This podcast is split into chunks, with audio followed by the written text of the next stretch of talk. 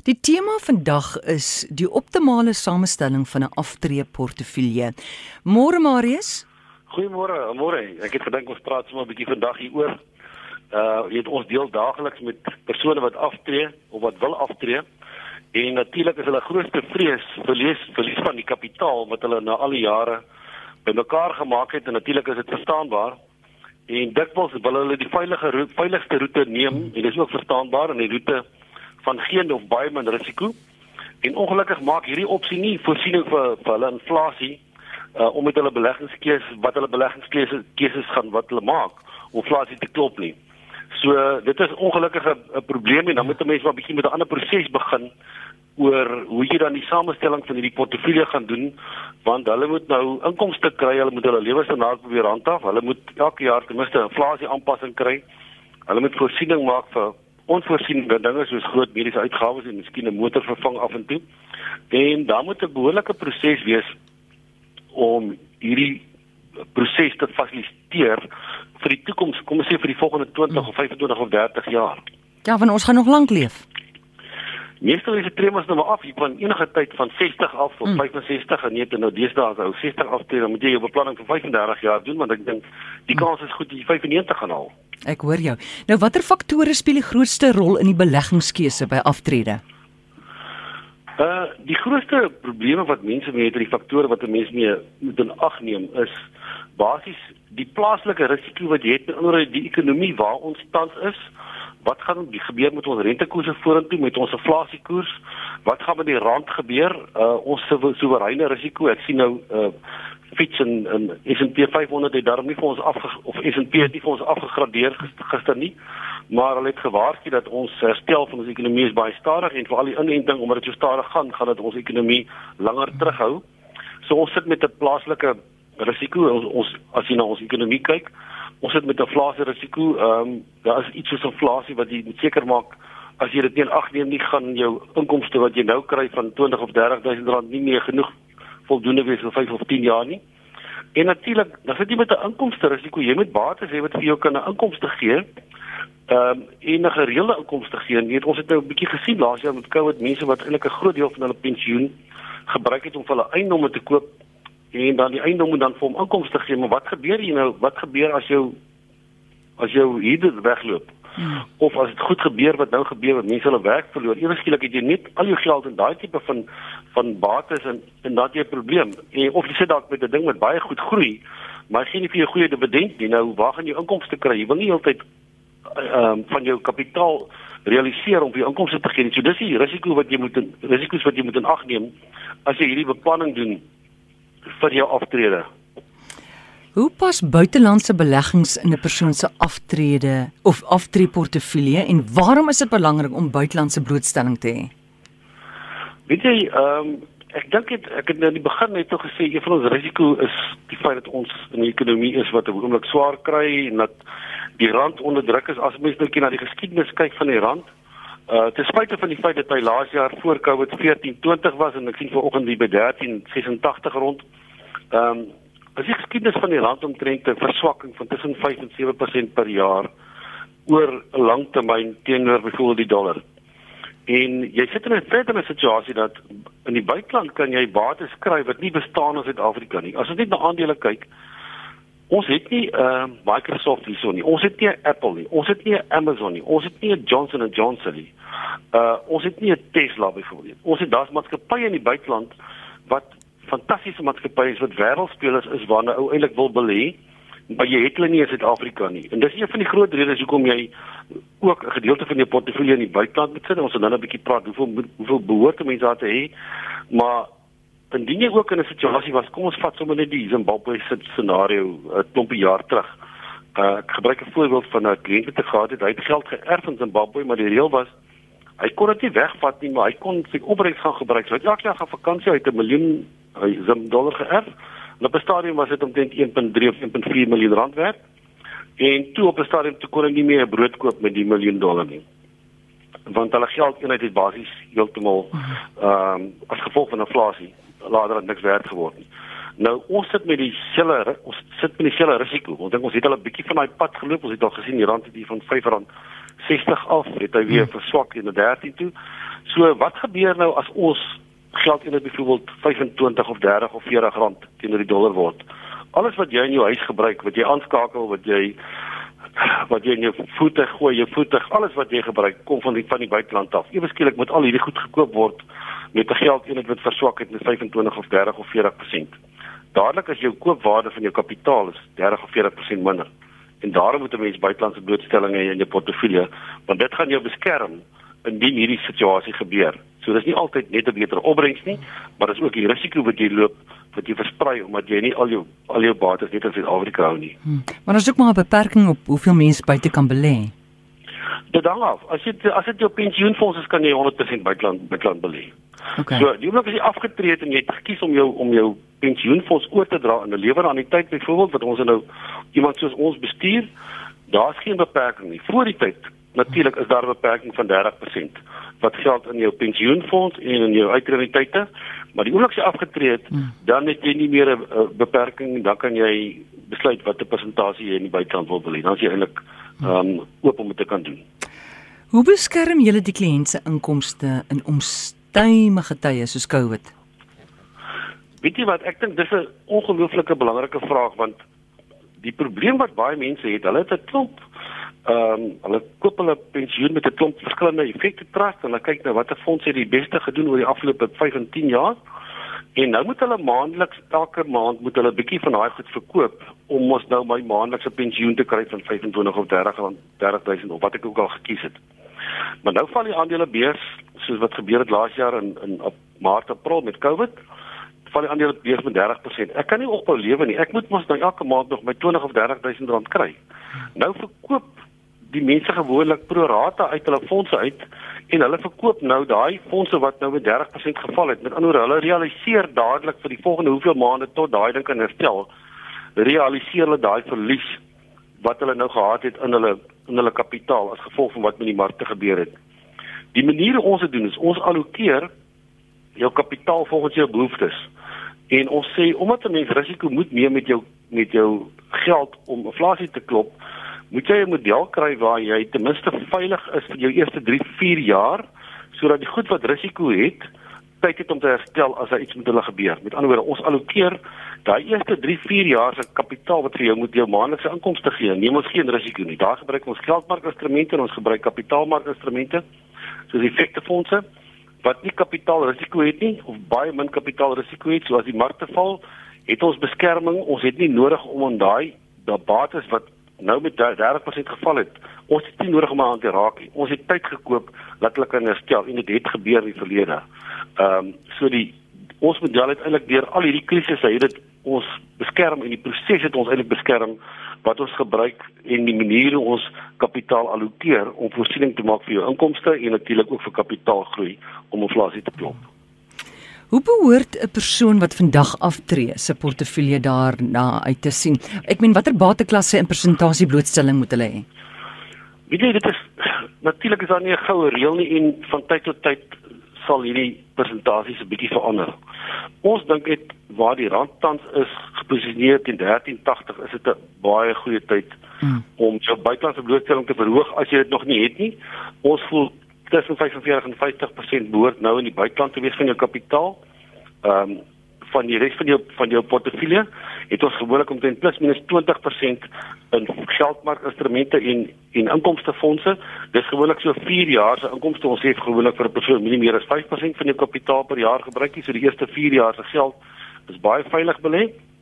En dan plus minus 30% is in Suid-Afrikaanse aandele. Uh en ek dink dis 'n goeie portefeulje om seker te maak dat jy het goeie diversifikasie binnekant jou portefeulje van bateklasse maar ook geografies as jou geld goed belê omdat jy ook 'n groot gedeelte in die buiteland het. Uh en ek persoonlik sal eerder 'n dollar miljonair wil wees as 'n rand miljonair. Ja. Marius, my pa het altyd gesê 'n mens moet so lewe dat jou laaste cheque wat jy skryf moet wees vir afpop en hy moet op. dis dis nog hulle as jy dit kan regkry is, is jy baie goed. Ek dink met mense kan dit regkry. 'n ongelukkig beplanne mens laat jou kapitaal baie lank moet hou. Uh, môre want jy sit in 'n scenario wat jy kan sê maar goed nee my pa 80 of 85 of 88 geword. Ek dink nie ek gaan ouer word nie. Baie keer word jy dan 5 of 6 jaar ouer as jou pa. So jy moet beplan asof jou kapitaal nie gaan of jy nie jou kapitaal gaan gaan opgebruik nie. Ehm um, want as jy as jy dit verkeerd doen en jy gebruik jou kapitaal op en ons sê altyd as jou kapitaal jou as jy jou kapitaal oorleef het jy baie moeilikheid ehm um, so dit is 'n groot probleem mense weet nie hoe lank oud gaan word nie hulle moet beplan asof hulle nog kapitaal gaan hê op die ouderdom van 95. En ek dink as jy as jy dit kan regkry, dink ek dan is jy redelik veilig daarin. Goed, ehm um, so mense as hulle beplan, jy sê hulle neem baie keer te min risiko en dan hoor jy weer van ander mense wat al hulle pensioen geld vat en dan koop hulle 'n restaurant en nou wil hulle 'n restaurant hê. Ja. Of hulle begin 'n nuwe besigheid, mens hoor net van hierdie uiterstes. Is daar darm in die middel genoeg mense wat uh, gebalanseerd hierna kyk? Ek dink mense wat advies gaan kry, sal verseker nie advies kry om met jou pensioengeld 'n restaurant te koop of 'n besigheid te begin wat jy gewoonlik in jou lewe nog nooit gehad het nie en ewe skielik dink jy dit gaan werk. En dis wat ek net wil noem, ons hoor nou baie van kripto, ons hoor baie van Bitcoin en al die ander goed. Ehm um, dis nou af met 50% van die hoogtepunt af en ek het so 'n paar maande terug het ek praat daaroor gedink. Dit hoort nie in 'n persoon wat afgetree is se portefeulje nie. Mense wat dit wat wat dit koop, moet weet hulle spekuleer en jy moet bereid wees dat hierdie ding kan 50 of 60 of 70 of 80% val. As jy dit nie kan hanteer nie, moet jy dit nie koop nie. Maar persoonlik sal ek dit nooit koop nie. Ek dink uh, dis 'n finansiële produk wat geskep is wat geen onderliggende waarde het nie. En ek dink dit weet ek kry baie keer 'n oproep van 'n bestaande kliënt wat sê jy moet seker dit gesê hy ek moet nou vir hom so 100 000 rand losmaak want hy wil 'n bietjie bitcoins koop. Ek dink ons moet bitcoins koop. Dan sê ek vir hom jy mag dit nie van jou pensioengeld afvat nie. Mm. Ehm um, en gelukkig ek wou nie die persoon se naam noem George. En ek het net vir my geluister want hy wou dit gekoop het op 50000 en nou die ding weer geval na 35000 uh dollar toe ehm um, in een tweet van van ehm um, uh die eienaar van Tesla gister het sommer nou weer daai ding 6% laat spring. Jy weet en daar's geen onderliggende rede. Ek bedoel daar was nie iets in die wêreld wat gebeur het hoekom Bitcoin geval het. Hy het net geval. Dit is net uh Ja, so ek dink dit mense moet versigtig wees as jy 'n bate besit wat gekoppel is aan 'n internasionale maatskappy. Nou 'n maatskappy het waarde. Hy doen besigheid, hy betaal dividende. Sy aandeleprys gaan nooit tot nul gaan solank solank die maatskappy bestaan nie. En daar is maatskappye, ek het net sommer 'n voorbeeld genoem van Johnson & Johnson wat nou al baie jare lank bestaan. Natuurlik maak hulle medisyne ook maar uh, hulle maak baie seep en baie ander produkte en ehm um, ja, die maatskappy doen al die jare net so goed en hy groei sy dividend elke jaar. Mense wat die maatskappy vir 10 of 20 jaar het, kry nou al meer in dividende per jaar as hulle betaal het vir die aandeel. So dis 'n tipe maatskappy wat 'n mens graag wil hê want wat jy weet wat vir jou kapitaalgroei gaan gee en vir jou goeie inkomste kan gee vorentoe. Ehm um, ja, dis, ek dink dis 'n dis 'n belangrike paar punte wat mense moet onthou as hulle hierdie uh, begin met hierdie proses om te beplan vir hulle aftrede of daarby kom sien. Nou moet ek my geld belê hoe hanteer ek dit? Hierdie faktore moet moet 'n mens in ag neem. Marius hier 'n vraag van Liana. 'n Luisteraar sy sê sy het groot geraak met die idee dat 'n mens moet so gou as moontlik moet jy uh, belê of geld spaar en sy het op die ouderdom van 25 haar eerste werk as 'n kelnerin. Het sy toe al sê sy 'n polis valstreep annuïteit uitgeneem en dis nou uitbetaal op 55 volgens haar dis nou 30 jaar en uh, sy het maar net 'n half miljoen gekry en sy dink dit is min. En en en en nou wat moet sy nou? Wat sê jy aanbeveel wat moet sy nou met daai geld maak? Ja. Kyk, die, die probleem met daai ding is ehm um, mense het destyds begin nou kan sy self besluit sy gaan nou sy nie gesien hoeveel sy verdien toe sy nou kelnerin was nie, hoeveel sy maandeliks daarin gesit nie. Maar uh, 50 rand, 50 rand. 50 rand. Sien. Maar nou uh mense in daai tyd het mense dit gekoppel aan inflasie, maar het anders het tot vandag toe nog ook elke maand 50 rand ingesit. Nou daai tyd toe sy begin het, was 500 000 rand 25 jaar terug, was dit nogal baie geld. So, as jy nou vorentoe dink en jy dink jy gaan 500 000 rand kry 25 jaar terug, dan kon jy heel moontlik met daai geld seker 'n woonstel gekoop het of jy kon iets gedoen het met die geld. Maar jy het aangehou om net 50 rand 'n maand te betaal. Jy het nooit met inflasie gekoppel en nou het jou jou kapitaal groei, die kapitaale bedrag het ook nie met inflasie bygehou nie. En nou kom jy agter maar dit is eintlik baie min. Hmm. En ek dink dis een van die geheime wat 'n mens maar moet doen om te sê maar indien jy dit wil doen gaan doen wat iemand vir jou beplanning gaan doen en sê hoeveel moet ek wegsit om in vandag se geld vir my X bedrag per maand te gee in die vorm van 'n pensioen. Uh want anders is mense teleeggestel uh in in baie van hierdie produkte. Uh want ek dink dis die groot probleem wat hulle gemaak het. Baie van die mense het van hierdie ou polisse wat 2 en 3 rand betaal en sê, maar die ding het niks uitbetaal. Ek het net 40 jaar bygedra. Ja, ja. Sê, oom, my oom het nooit die die nooit verhoog nie. Jy het na 40 jaar nog altyd 3 rand 50 'n maand betaal.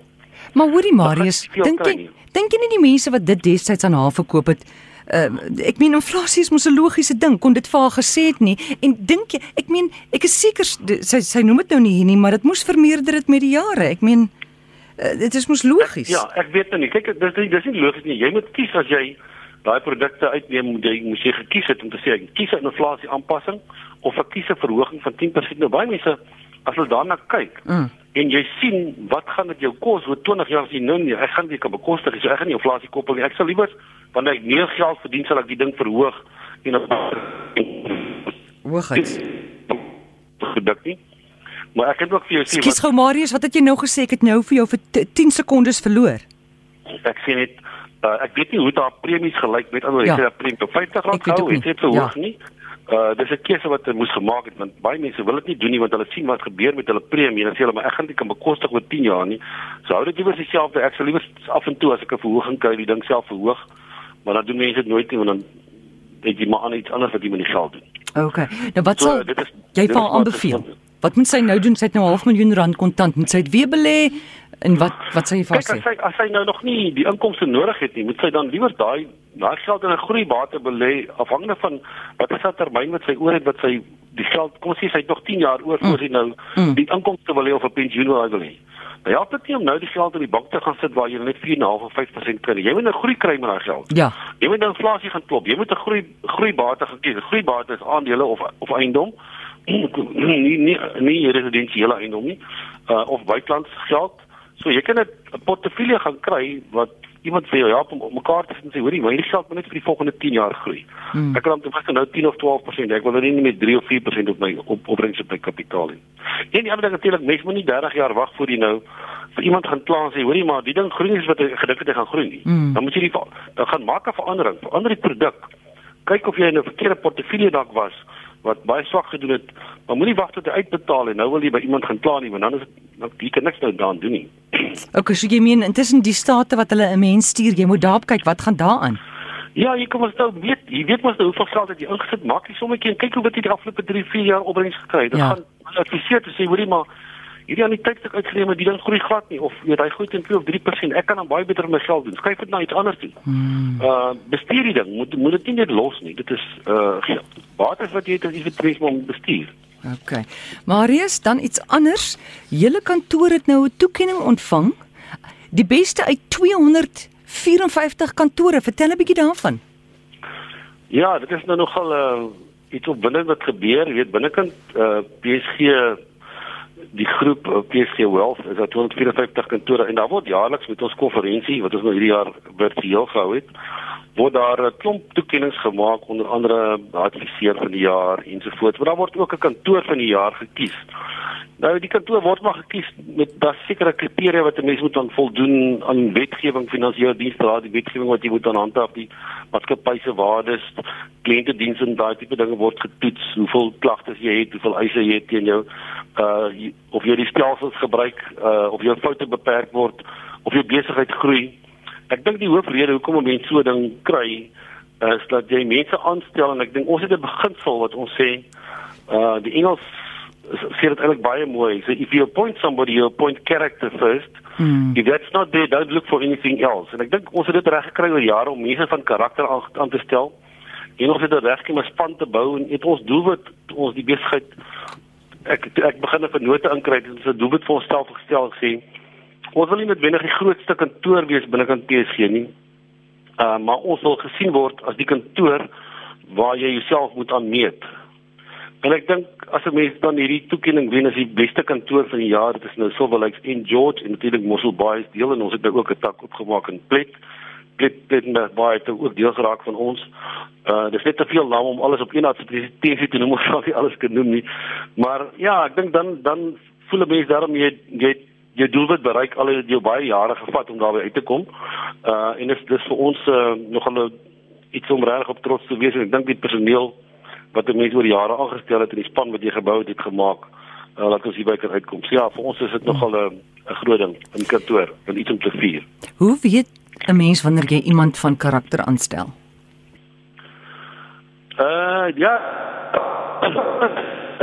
'n 'n moeilike een ek dink daar's tog maar uh, as 'n mens met 'n uh, gewoonlik jy moet nou 'n eerste onderhoud met mense dan dan nooi jy dan kies jy daai te paar mense en dan kan jy so 'n bietjie op mense se trek rekords te gaan weet as jy na as 'n Facebook bladsy gaan kyk dan kan jy dadelik sien waarmee hy homself besig hou ehm um, sosiale media is nogal 'n ding wat vir mense nogal bietjie vertel van waarmee is jou is jou gedagtes besig. En ehm um, jou trek rekord sê dan ook iets. En ek dink dit ons het 'n stel waardes wat ons graag leef en ons sê mense kan ons toets daan en binne dit ons kantoor. En ons toets mense teenoor ons waardes en sê jy as dit is ons waardes. As jy hiermee kan saamlewe kan jy vir ons werk. As jy nie kan nie, dan gaan jy dan gaan dit nie vir jou hierso werk nie. So ons probeer regtig daai ding natuurlik nou mense kan fout maak. Jy kan mense kan seker baie keer rad vir die oor drama as jy 'n paar lekse in die lewe geleer het soos ek dan dan is dit nogal kry dit nogal reg met tyd uh om mense met karakter aan te stel en baie keer is dit ook baie mense wat ek me van die vennote wat ek ingetrek het in die besigheid is mense wat ek persoonlik geken het oor 'n tydperk en wat ek genader het en sien daar's nooit iemand vir my gesê en sê hierdie persoon word nou jou vennoot nie ek gaan kies hulle en ek bepaal of hulle my vernoot word of nie. En ek dink dis die voordeel wat 'n mens het, het wat ek gehad het in ons besigheid is dat uh ek het nooit 'n aanstelling gekry van buite af nie. Ek het altyd iemand ons het altyd iemand gaan kies wat ek ingetrek het as vernoot of as ons iemand aanstel as die vernoot betrokke om daai persoon in te bring. Baie keer is dit mense wat jy inbring wat jy al tyd ken of jy al tyd lank op op 'n ander plek en jy vra hierdie persoon om deel van jou besigheid te word. Wel baie geluk. Baie dankie. Baie dankie dis. Goed. Marius, ons gesels weer. Hierdie was persoonlike finansies met die komplimente van of liewer RC finansies met die komplimente van PSG Wealth Silver Lakes, ja? Kan ek gou my kontakbesonderhede gee? Môre as mense dalk my vraag het, dan dan sal ek sal dit graag per e-pos hanteer. Uh gewoonlik kry ek heelwat e-posse so ek dalk nie daar vandag alles hanteer nie. Ek probeer my bes. Maar hulle kan vir my e-pos stuur uh marius.kree@psg.co.za. Hulle kan ook vir my uh skakel op ons nasionale nommer 0861 uh, 348190 gaan of by my Pretoria kantoor uitkom of of by George kantoor en dan sal ons iemand uh, verwys wat binne jou streek is wat jou kan help met jou navraag as ek dit nie self kan hanteer nie. Goed ja, so die e-pos is marius.kreer by psg.co.za.